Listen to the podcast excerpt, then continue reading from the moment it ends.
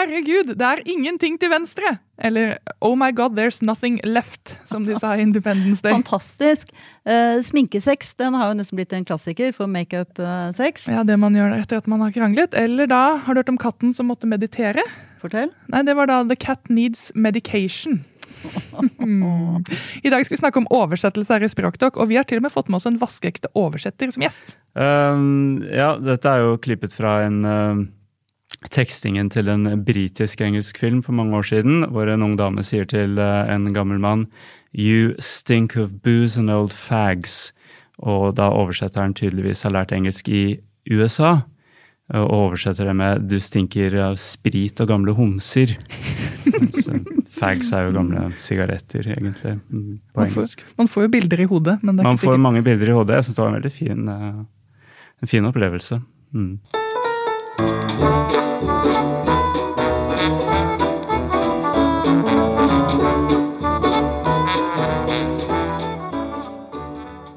Velkommen til en ny episode av Språktalk. Helene Uri. Jeg er Kristin Storrusten, og i dag har vi altså fått en vaskeekte gjest. Det er meg. Vi er veldig gira. Vil du fortelle hvem du er? Ja, det kan jeg godt. Jeg heter Jan Kristoffer Næss, men eh, folk kaller meg bare Jan. Eh, Og jeg er um, 55 år gammel forfatter og oversetter. Mhm. Og det er derfor vi har invitert deg i dag. Fordi Helene og jeg har jo opplevd å bli Eller du har opplevd å bli oversatt. Og vi syns det er veldig gøy med oversettelse. Så vi hadde lyst til å få med et sånt vaskeekte, vaskeekte, ek, vaskeekte eksemplar i studio. Ja. Mhm. Og hva er det du har oversatt, da? Jeg eh, oversetter nokså bredt, men eh, først og fremst så er det barne- og ungdomslitteratur, og så er det ganske mye jeg, Sånne underholdningslitteratur, Løkkeskrifteromaner oversetter jeg ganske mye av. Ja, Til norsk, eller til Til norsk, ja. Ja, Mm. fra Fra, først og fremst fra engelsk, eh, men jeg oversetter også litt fra svensk og dansk.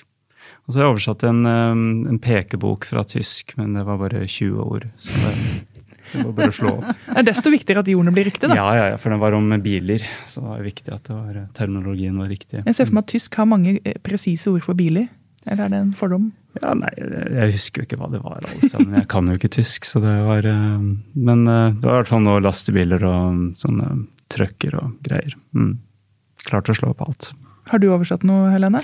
Jeg har oversatt eh, en liten billedbok fra fransk.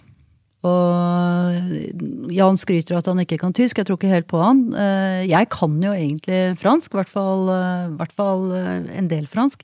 Men det var mye vanskeligere enn jeg trodde. altså. Hva var det du syntes var vanskelig? Det var så vanskelig å finne de rette ordene som skulle inn på den lille plassen. Altså få uttrykt eh, Le mot juste, ja. Og få oversatt det sånn at det skulle være så kort og så presis og så riktig sagt. Det jeg syns jeg var kjempevanskelig. Men det hadde kanskje vært en utfordring hvis du skulle skrive den på norsk også, for det er jo noe med å være så komprimert, da. Ja, ja, selvsagt. Men, men i hvert fall var det sånn at jeg leste gjennom boken først og tenkte ja ja, easy-peasy, dette her skjønner jeg jo alt. Det var helt uproblematisk. Men så da jeg skulle sette meg ned og lage det til norsk, så skjønte jeg jo at dette var verre enn jeg trodde. Og fikk jo da selvsagt fornyet respekt for mine oversettere, som oversetter mine romaner til eh, all verdens språk. Ja, for det krever ganske mye. Jeg, da jeg, vi skulle snakke om denne episoden her, så tenkte jeg ja, men eh, jeg har jo ikke oversatt noe, for jeg kom på at jeg akkurat nå holder på å oversette jazzlåter til, eh, fra engelsk til norsk.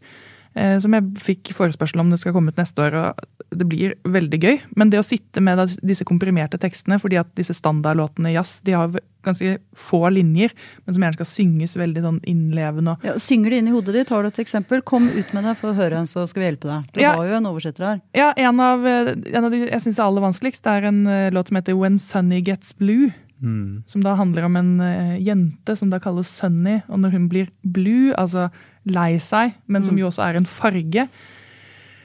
Eh, og det er første linje, så den må liksom sitte. Så den har jeg gått med nå i sånn to måneder. Så Ja. ser jeg for meg at jeg kommer til å våkne opp en dag i februar, og så kommer det til å være sånn Der er den! Tra-la-ba-ba-ba-ba. Ja. Inspirasjon. Med en liten fanfare. Timeprisen blir jo rimelig lav da, hvis du har brukt eh, to måneder nå på én linje og ennå ikke er helt i havn. Ja, men eh, jeg føler at oversettingen går litt sånn konst... Men eh, det var det jeg også sa til henne, at for meg så jeg syns det er så gøy å oversette. For det er omtrent som å løse kryssord. Ja. Og i hvert fall når det skal både rime, det skal ligne på originalspråket, det skal eh, ha samme eh, liksom metaf metafortyper. Mm. Eh, mens det å skrive, da, er, det er jo bare som å springe ut på en åpen slett og bare plukke hva som helst. Mens den der å få ting til å treffe akkurat at alle bitene i Tetris faller ned, sånn at linjen utslettes. Det er jo en sånn Ja. følelse. Jeg vet ikke om det, det, er, det er noe i det du sier, det. Eh, Det er det. Eh, Det er klart at det å skrive er jo ikke å springe ut på en åpen slette. Og, og det er jo det er jo ikke sånn at alt Det er ikke som å løse sudoku eh, når man oversetter. Det er jo en form for kreativitet som man må ta i bruk der også. Men det er klart at rammene er jo gitt på en annen måte når du oversetter. Og, eh, og særlig hvis du da skal oversette noe skal, som skal synges, da, som du, du må forholde deg til et rim- og rytmeskjema. Eh, Så, så er jo det vanskelig, og ofte så må man jo kanskje fjerne seg litt fra originalen for å, for å få gjenskapt den feelingen eller følelsen som, som ligger i originalteksten. Sånn, som du sa det der med blå, da, jeg vet ikke Det er vel kanskje blitt etablert på norsk også, at det å være blå er Føle seg blå? eh, Føle seg blå. er- Ja, jeg, jeg tror nok at det er mange som vil eh, gjenkjenne Ja. det. Og, altså både selvfølgelig kjenne det engelske uttrykket, men også at det har fått en, et visst fotfeste i Ja. norsk. Men jeg tror Men ikke du kan kan kalle det Sani for solstråle. Nei. Nei. Kan du ikke trykke på taksameteret til uh, Jan Kristoffer Nessar, og så be han ta den der linjen, så blir du ferdig med den? Han av... her. Nei, men da forsvinner jo all moroa i det også, da. Nei, nei, ok, bare. Men oversettelse, det kalles jo for det umuliges kunst. Eh, og det, det skjønner jeg jo. Her sitter Kristin og strever, og jeg har fortalt om eh, mine, mitt slit med denne lille franske boken. Og eh, hvorfor er det umulig, og hvorfor blir det kalt det? Og Jeg, jeg tror er det umulig? Ja, jeg tror at det er umulig på en måte. Fordi det er jo ikke noe én-til-én-forhold mellom to ulike språk. Det er jo sånn at et- ord har jo en, en, en mengde med assosiasjoner og bruksmåter som er helt spesifikke for det språket. Mm. Som er da levende til stede for en oppegående leser. Og, og selv om du tar jeg, det tilsvarende ordet fra f.eks. engelsk og putter inn, så vil du ikke ha alle de konnotasjonene og um, Sånn at det er noe som må gå tapt i oversettelsen. eh, samtidig som det antagelig også er noe som kommer til i oversettelsen som ikke er der i originalteksten. Så, så det er umulig å, å, å lage en én-til-én-oversettelse. Eh, men når det er sagt, så tror jeg man kan komme ganske nær og, og gjenska, skape den samme følelsen for leseren når eh, hen leser teksten. Når jeg får en av mine bøker eh, tilsendt fra et nytt oversatt språk, så blir jeg kjempeglad. Og jeg står med den i hånden, og jeg ser på omslaget, og jeg lukter på den, og jeg gjør alle de tingene man gjør når man får en ny bok. Og jeg syns det er helt fantastisk. Og jeg har så lite lyst til å åpne den og forsøke å se på teksten. Og selvfølgelig i noen tilfeller så er den på serbisk eller japansk som ikke jeg kan. Altså det begrenser seg jo nokså ofte. Det er jo ikke så mange språk jeg kan. Men også hvis den er på engelsk eller dansk eller svensk, da, så jeg har virkelig ikke noe lyst til å se på den. Fordi jeg er så redd for hva jeg vil finne innenfor de to permene. Og det er jo nettopp det du sier, ikke sant. At jeg har jo brukt så lang tid på å finne akkurat det ordet der i akkurat det avsnittet, fordi at jeg syns det passer til den personen. Ikke sant? Da har jeg valgt det Slentre, gå, verbet. Ja, slem, ja, ikke sant? Jeg har, Mm. Det er jo ikke tilfeldig at det står vandre eller slentre eller ikke sant? Veldig godt eksempel. Og hvordan skal jeg da vite, eller jeg vet jo at sånn er det ikke, at oversetteren da har valgt det ordet som jeg syns passer best i den konteksten til den personen. Så jeg, jeg, jeg er så redd for at min litterære tekst blir ikledd feil språkdrakt. da. Mye mer enn sånne oversettelsestabber som vi snakket om i begynnelsen. Ja. Det er liksom, det er sånn, det, det, dette er flinke, proffe folk. Det kan Ja. skje, men det er, ikke, det er ikke det jeg er redd for. Men sånn at den kommer feil ut, da. På en eller annen måte. Ja, Men det, jeg tenker at det er litt som, eh, som, kanskje en dramatiker når du slipper løs teksten din, og så skal andre folk oppføre den på en scene, eller, eller hvis du skal ha en illustratør til å lage tegninger til teksten din. Du må på en måte gi litt slipp på den og tenke at nå er den ute i verden, og så er det det der er en, en annen som har eh, etter beste evne da, prøvd å, å, gjenskape det. Men jeg skjønner jo hva du mener. Det er klart at du har lagt eh, masse arbeid i, i den teksten. og og jeg, jo det. jeg er jo først og fremst veldig glad og veldig takknemlig, men ja, jeg bare kjenner på en sånn, eh, sånn redsel for å gå inn i det. Du kan jo så kan hende at du åpner den, og så ser du oi, det der var smart løsning. Ja, for de kan mm. jo, Det er jo ofte at man fokuserer på de negative ting Eller jeg føler at når folk snakker om oversettelse, ja. så snakker man om alt som går tapt. Men det er jo også ting man finner. Altså, Oversetteri er jo det er fantastisk, fordi ja. det er jo det som håper å si, gjør verdenslitteraturen tilgjengelig for oss. Ja. Uh, og, og, det er jo en gave som uh, ja, så litt sånn småspikk om uh, hvilket verb man har valgt. Ja, du, Jeg mente ikke å høres bortskjemt ut. altså nå, Dette kom helt uh, feil ut. Som sagt, veldig glad, veldig takknemlig. Men uh, jeg ville bare dele den redselen ja, med ja, dere, da. Ja, mm. Den skal jeg legge meg på minnet neste gang. En av mine favorittbonus mm. som har kommet til, det er i oversettelsen av Harry Potter. Er der er jo alle navnene oversatt også. Og han som heter Oliver Wood på engelsk, han heter Oliver Quist på norsk. Oliver Quist. Ja, da får du en ekstra, ikke Da kommer det noe tillegg som eh, ja. Ja, ja, ja. Mm. ja det er stilig. Det er fantastisk. Det har jo vært litt bråk rundt i um, altså det, Harry Potter-konsernet, uh, de er jo ikke så glad for dette, for dette ødelegger jo litt for dem sånn i forhold til spin-off-produkter og alt sånt som, uh, som da er, er, bundet opp til forskjellige navn, og så fungerer det ikke fordi Norsk og nederlandsk er vel de eneste språkene tror jeg, som har oversatt navnene. Ja, jeg driver akkurat og leser dem nå. og mm. altså, Det sier jo noe at det tok meg så mange år å skjønne eh, sammenhengen mellom Hogwarts og Galtvort, skolen. At ja, Galte, Galte Hog, ja, Hog, ja. Mm. og Wart mm. Vort. eh, mm. ja. Den tok jeg nå. Ja, men det er mye som tar eh, tid. Jeg er jo ikke så veldig kjapp selv. Jeg leste ekstremt mange svenske romaner før det, før det gikk opp for meg at det er ikke sånn at svenske romanfigurer ler hele tiden. Nei. Det trodde jeg de gjorde, da. Lenge. Skratter.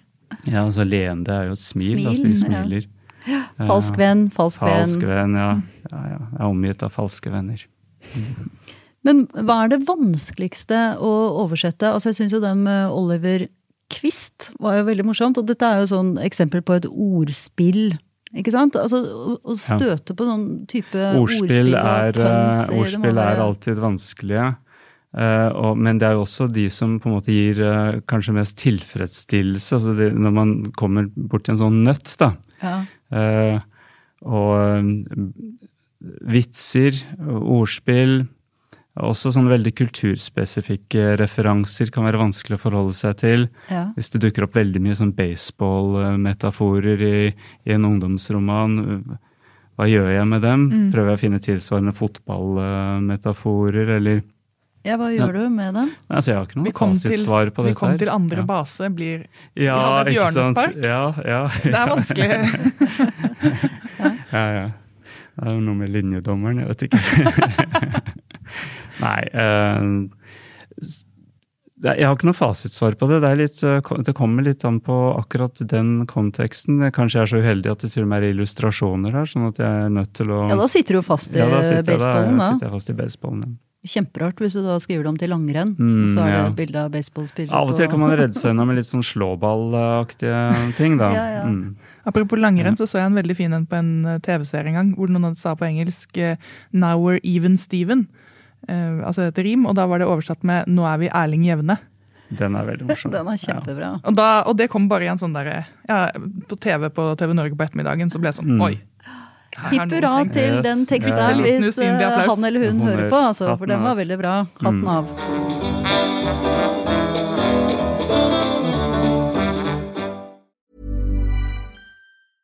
When you're ready to pop the question, the last thing you want to do is second guess the ring. At BlueNile.com, you can design a one-of-a-kind ring with the ease and convenience of shopping online. Choose your diamond and setting. When you find the one, you'll get it delivered right to your door. Go to Bluenile.com and use promo code LISTEN to get $50 off your purchase of $500 or more. That's code LISTEN at Bluenile.com for $50 off your purchase. Bluenile.com code LISTEN. Ryan Reynolds here from Mint Mobile. With the price of just about everything going up during inflation, we thought we'd bring our prices down.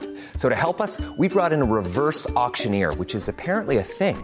Mint Mobile unlimited premium wireless. Ready to get 30, 30, bit to get 30, bit to get 20, 20, 20, bit to get 20, 20, bit to get 15, 15, 15, 15 just 15 bucks a month. So, Give it a try at mintmobile.com slash switch. $45 upfront for three months plus taxes and fees. Promo rate for new customers for limited time. Unlimited more than 40 gigabytes per month. Slows. Full terms at mintmobile.com. A lot can happen in the next three years. Like a chatbot may be your new best friend. But what won't change? Needing health insurance. United Healthcare Tri Term Medical Plans are available for these changing times. Underwritten by Golden Rule Insurance Company, they offer budget friendly, flexible coverage for people who are in between jobs or missed open enrollment. The plans last nearly three years in some states, with access to a nationwide network of doctors and hospitals. So, for whatever tomorrow brings, United Healthcare Tri Term Medical Plans may be for you. Learn more at uh1.com. Hey, I'm Ryan Reynolds. Recently, I asked Mint Mobile's legal team if big wireless companies are allowed to raise prices due to inflation. They said yes. And then when I asked if raising prices technically violates those onerous two year contracts, they said, What the f are you talking about, you insane Hollywood ass? F- So to recap, we're cutting the price of Mint Unlimited from $30 a month to just $15 a month. Give it a try at mintmobile.com slash switch. $45 upfront for three months plus taxes and fees. Promo rate for new customers for limited time. Unlimited more than 40 gigabytes per month. Slows. Full terms at mintmobile.com. Det er jo sånn at eh, engelske skolebarn de leser sin Shakespeare på eh, Shakespeare-engelsk, Det gjør faktisk. mm. Med forklaringer og sånn. Ikke de aller minste, men ja, når de kommer litt opp i årene. Ja. Mm.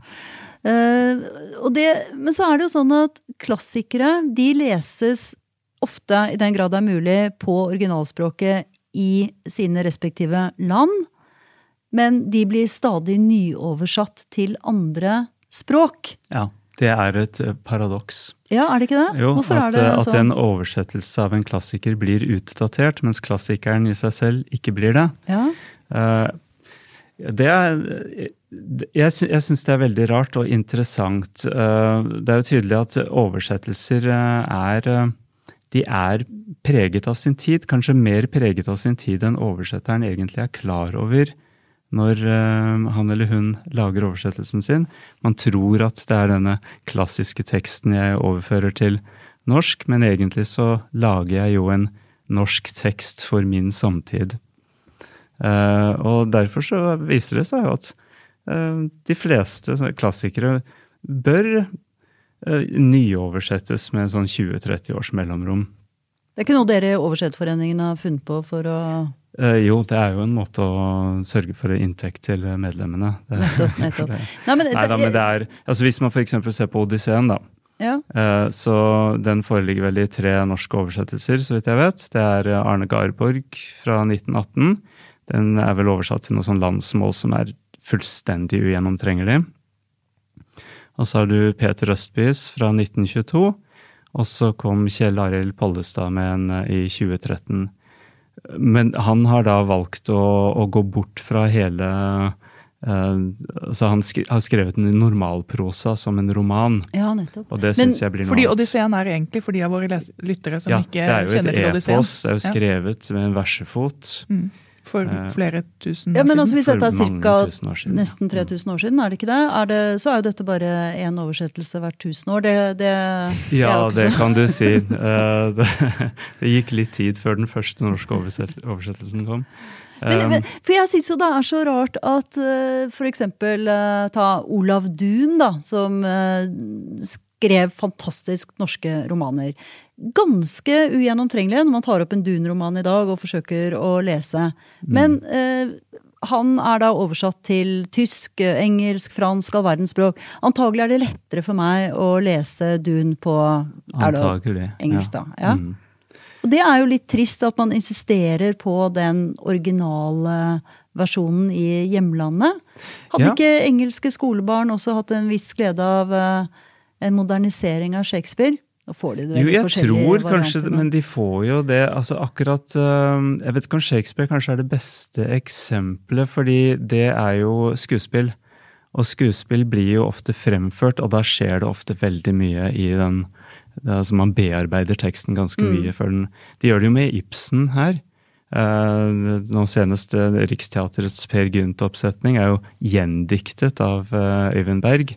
Eh, så, eh, så der skjer det jo ting, men, eh, men det er klart at Jane Austen, da. Jane Austen, ja. ja det, Jane Austen var et morsomt eksempel, for jeg har jo oversatt en, en roman som heter Huset Longbourn, som er um, skrevet av eh, Joe Baker. Uh, og det er en Den boken er i en dialog med 'Stolthet og fordom' av Jane Austen. Uh, det er jo en av de romanene som jeg har hatt størst glede av å oversette, nettopp pga. Uh, av det, det litterære forelegget, og, og, og, og fordi språket var eh, utfordrende og interessant å jobbe med. Men jeg ser at du faktisk har liggende en av de bøkene jeg har lest mest det siste året foran deg. Du har tatt med deg litt bøker hit. Og en av dem er 'Jeg elsker deg, pappa gris'. Ja. Den har jeg lest sikkert 100 ganger. Jeg har ganske mange kommentarer til innholdet. Hvorfor, hvorfor har du tatt med deg den? Eh, Den har jeg med fordi det er et eksempel på eh, en av de bøkene jeg oversetter. Jeg oversetter Peppa Gris. Eh, og hva, reagerer du på innholdet? Jeg syns de er kjempefine. Nei, det er jo at eh, pappa gris virker jo som et barn. Men dette er jo generelt et problem Ja, i, i. Fedre generelt virker jo ofte som Ja, barn. han kan, han. I stedet for å steke pannekaken, så kaster han rett i ansiktet på seg. Mm. og Nei, han er jo helt udugelig. Ja. Nei, det er kanskje, Jeg elsker Ja, det mamma er mammagris. Mm. som er verst. ja. Men du har med deg noen flere bøker også, Ja, som jeg har med meg bøker som jeg ikke har oversatt selv. Jeg har, eh, jeg har et par utgaver av Odysseen her. Eh, Jeg tenkte jeg bare skulle belyse liksom forskjellen på en gammel oversettelse og en ny oversettelse. Og da har jeg med Peter Østbys oversettelse fra 1922, og den åpner slik. Eh, Sangmø, fortell om hin rådsnare helt som flakket så vide, da han til sist hadde styrtet i grus det hellige Troja. Mang en by fikk han se og merket seg folkenes lynde, osv. Det er jo nesten uleselig. Um, han Kanskje vi, er valgt sånn, vi er litt sånn romantiske av oss. så jeg får sånn Bare når man sier ordet sangmø, så er jeg rett uh... Ja, ja, det er jo vakkert, da. Men jeg har med en engelsk oversettelse fra i fjor. Av uh, en dame som heter Emily Wilson. Uh, og den åpner slik. Tell me about a complicated man. Veldig morsomt. Det var Ja. ikke pappa gris da, som var den er eh, man. Ja, han er ikke så komplisert. Men, og, og sånn fortsetter det. Og i stedet for uh, altså Peter Østby han har jo valgt å holde seg til det homeriske versefoten, uh, som er uh, daktylisk heksameter, om jeg ikke husker feil. Som jo er helt unaturlig i forhold til det norske språket. Så har hun valgt jambisk pentameter, som er eh, det er Shakespeares uh, versefot, som på en måte ligger naturlig for det engelske språket. Eh, Og da får du en helt annen flyt og en helt annen sånn tilgjengelighet. Og, eh, og det, plutselig så Teksten blir duggfrisk. Det er akkurat som eh, dette med sånn klassiske statuer. Vi, vi er for vant til å tenke på dem som hvit marmor. I virkeligheten var de jo veldig glorete. Ja, Og det er veldig morsomt da å se de statuene slik som samtiden så dem, med alle de glorete fargene. Og det føler jeg at en sånn nyoversettelse av Odysseen kan gjøre. Den kan liksom vaske vekk alt det slagget og vise fram teksten eh, sånn som den skal ses. da. For de av lytterne våre som ikke husker eller vet hva en versefot er. Hva er en versefot? Versefot, det er jo rytmen i linjene. Ja. Uh, det er ja, Sånn Eller limerick, da, da, da, versefot da, da, da, Ja, ja. Mm. There was a young man from Nantucket. Mm.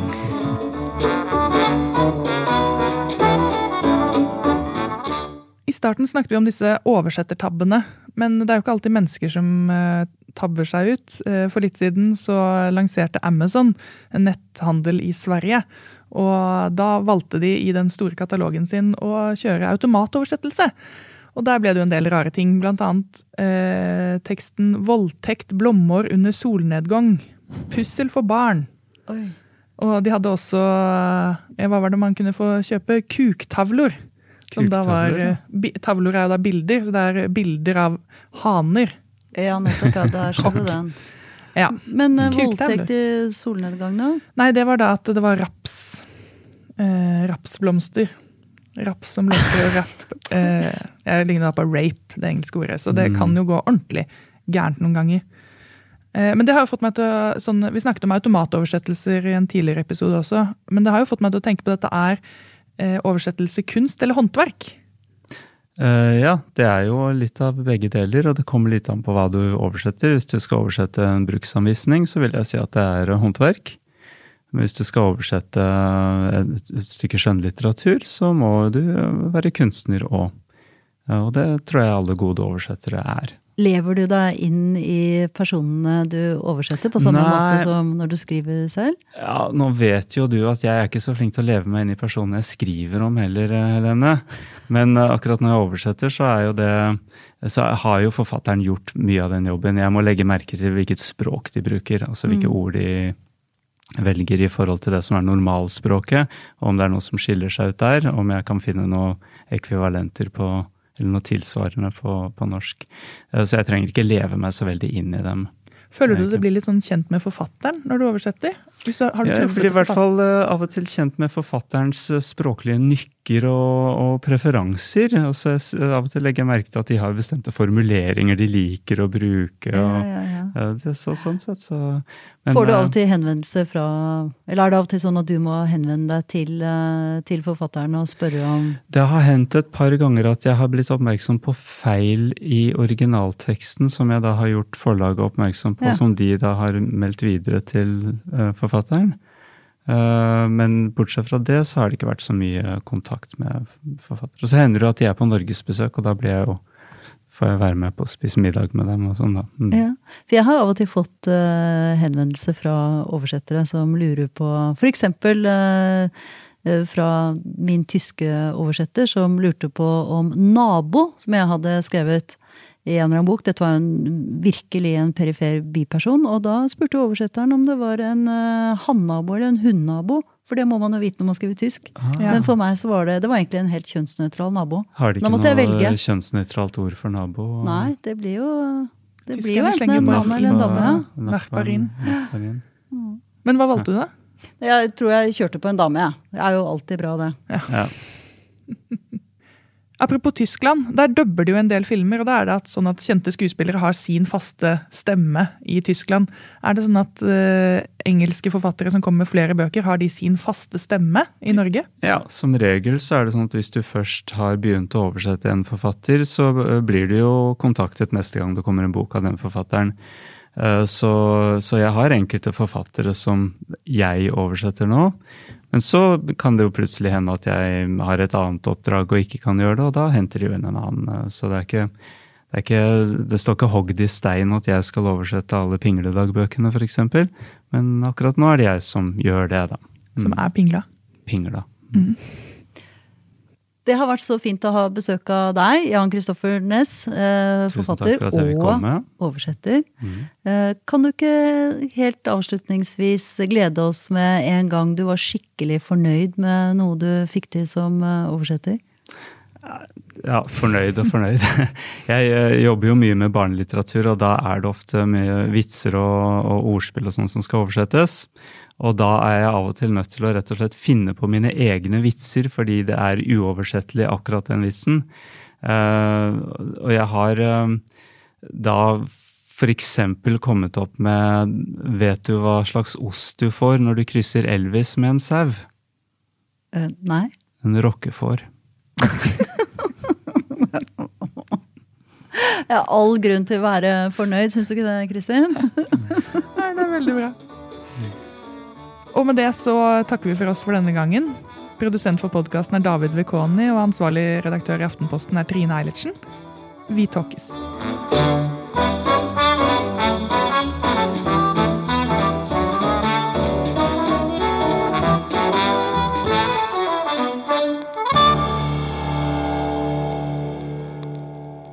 Og som en bonus så har jeg veldig lyst til å lese Wergeland. Hør, hør nå, for dette, Wergeland skriver et uh, dikt om oversettelse. Visste dere det? Nei. Hør her. Kongeørn med lenke spent om sitt ben og vingen brutt, som i over 20 år siden den ble halvdød skutt, har for simpel gårdhund tjent på en ensom bondegård. Ok, Se for dere kongeørnen med Mm. da brutt vinge, lenket fast. Plutselig får han fått uh, ensom er, og, er at han står og vokter denne gården. Den kongeørnen, den lider dog ei den arme dikters vonde, som i lite folk er født, hen i verdens hjørne støtt, med et språk som ei rekker fra sin krog, lenger enn dets leppers ånde. Så denne stakkars kongeørnen, den har det tross alt bedre enn vi diktere som har norsk som morsmål, som da ikke når lenger ut enn fra denne, vår lille krok her oppe. Hæ? Ok, flott? Ja. Litt Og da er det flott med oversettere. ja, det er sant. For trøst oss med at Gyldendakk fordi din glans har tapt, da er det hvorav alt er skapt.